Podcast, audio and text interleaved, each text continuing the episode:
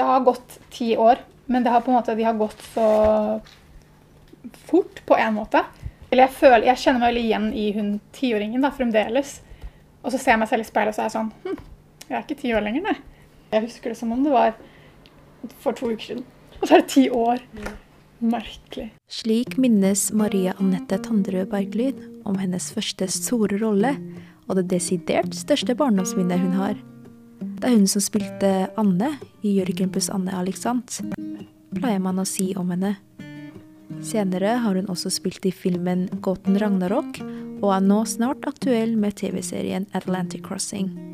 Men aller mest kjenner hun seg igjen i den ti år gamle karakteren Anne, som er litt tøff, litt guttete og veldig barnlig. Men nå har Anne blitt voksen. Bak kulissene er en Maria som fortsatt elsker skuespill, er manusforfatter og er aktiv på sosiale medier om psykisk helse og hennes egne opplevelser med angst.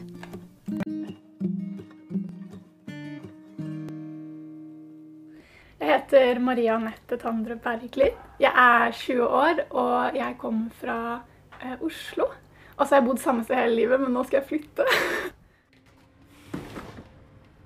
Jeg møtte Maria hjemme hos henne på Kampen, bare tilfeldigvis dagen før hun skulle flytte ut. Leiligheten er enkelt innredet, og det er fargen gul som står ut mest. Gule vegger, gul duk på spisebordet, og til og med hun har på seg gult. Strålende og sprudlende gul, akkurat som førsteinntrykket jeg har av henne. Jeg har alltid syntes det var kjempegøy å, å selvfølgelig leke sånn som barn gjør, men å liksom lage mine egne fortellinger. Og så har det aldri vært vanskelig heller å på en måte få et manus og spille det ut. Og jeg elska å sette opp egne teaterstykker på SFO og sånn. Eh, Da hentet jeg alle vennene mine og så skrev vi et stykke. Og så satte vi det opp på en sånn stor sånn sklieplattform vi hadde i skolegården. Det er lite som slår å feire bursdagen sin på reklameinnspilling. Det kan Maria litt om. På hennes aller første skuespillerjobb noensinne. Det var dagen jeg fylte seks år, så det var på en måte en slags bursdagsgave.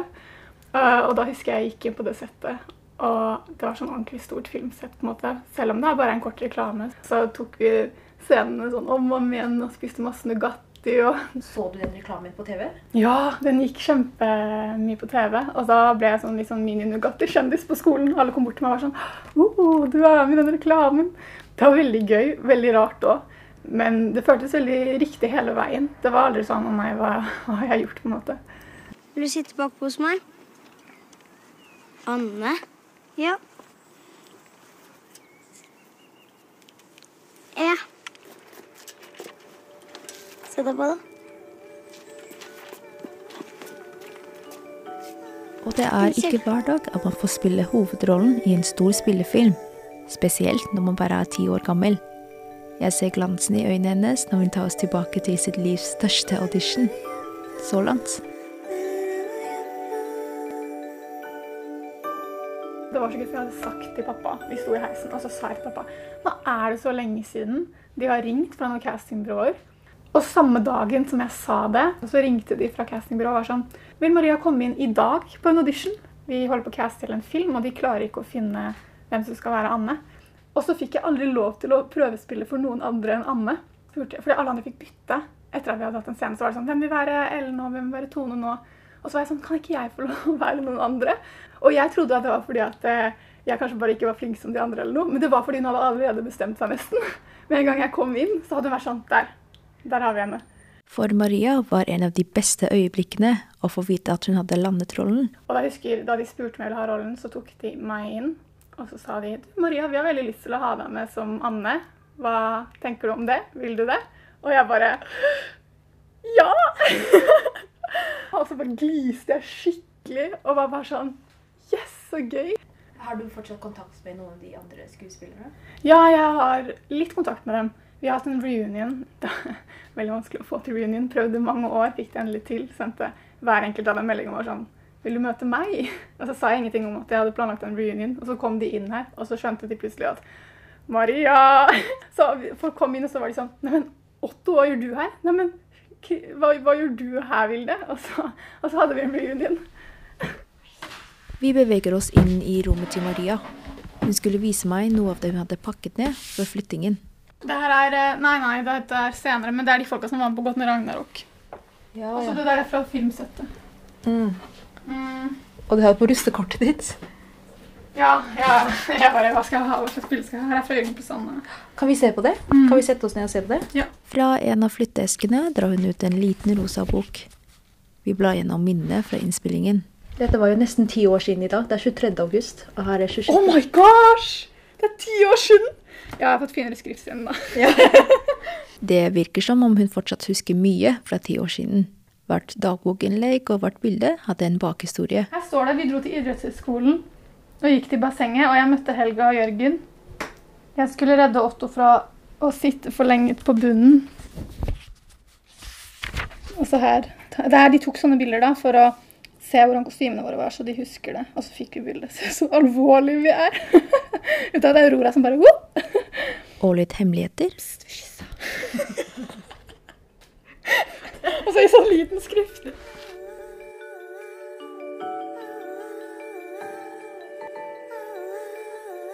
Det må være et eller annet gærent med meg som gjør at jeg ikke klarer å takle ting. Fordi jeg snakker med andre som er sånn Å, jeg har også angst, liksom. Og så er jeg sånn Å ja, går du også rundt og tenker på det her og det her? Å ja, nei, det gjør jeg ikke. Men jeg bare har litt angst her og der. Da er jeg sånn What? Jeg skjønner ikke hva slags rar angst er det jeg har.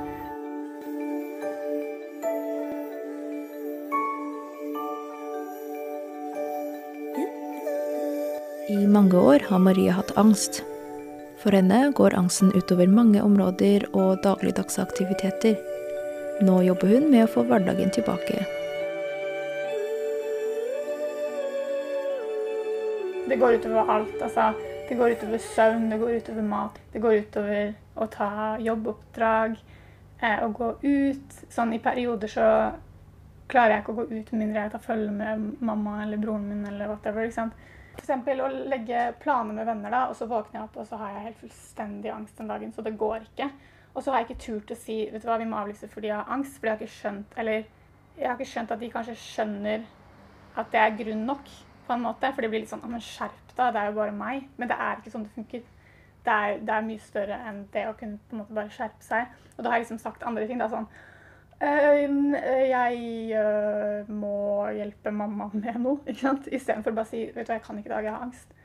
Eh, fordi at folk har ikke Folk skjønner det ikke helt. Folk er liksom sånn Ja, men jeg skjønner ikke, du kan ikke møte meg fordi du har angst. Hvorfor har du angst for å møte meg?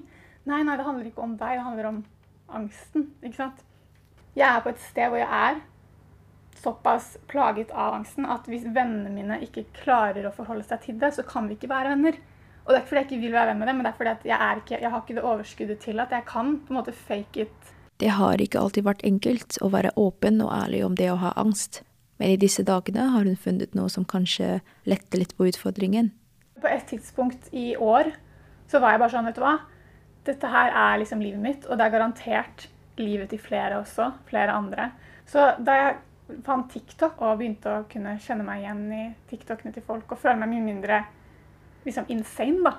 Hvis jeg har noen ting som angsten ikke lar meg gå ut noen ganger, så lager jeg en sketsj på det istedenfor og overdriver og liksom på en måte angsten på en satirisk måte.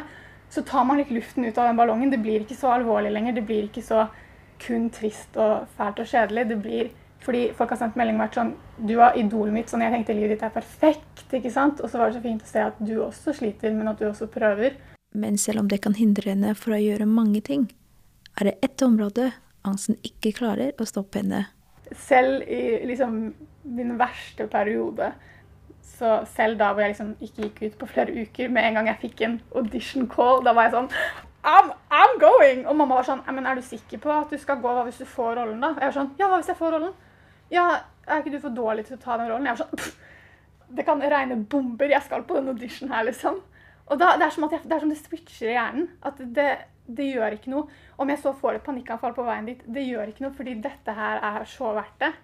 Jeg tror det er fordi det er så familiært, det å være på et filmsett eksempel, eller det å drive med teater. Det er så sykt familiært. Jeg føler meg så trygg i situasjonen fordi at jeg har drevet med det så lenge. Altså, jeg var første, mitt første filmsett da jeg var seks år, og har drevet med teater liksom, så lenge jeg kan huske. Og, og jeg vet at det får jeg til. Jeg vet at jeg får det til. Alle, alle har liksom sin oppgave. Jeg kjenner liksom rutinene. Og jeg vet også av erfaring altså fra erfaring at jeg får det til. Sånn uansett hvor mye angst jeg får, så får jeg det til. Når man har angst og man er redd for alt, på en måte Alt er liksom et problem, og alt eh, gir deg de verste eh, sensasjonene i kroppen fordi det er utrolig slitsomt på kroppen å ha angst. Så blir man litt uredd for andre ting. Så det er liksom sånn at en TikTok av meg som snakker om angst, havner på forsiden til en mulig fremtidig sjef, er liksom ingenting i forhold til det panikkanfallet jeg hadde i går.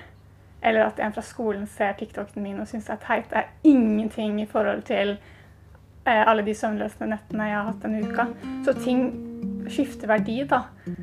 Man blir liksom litt sånn modigere på noen områder fordi man er så vant til å måtte være modig fordi man opplever så mye ubehag.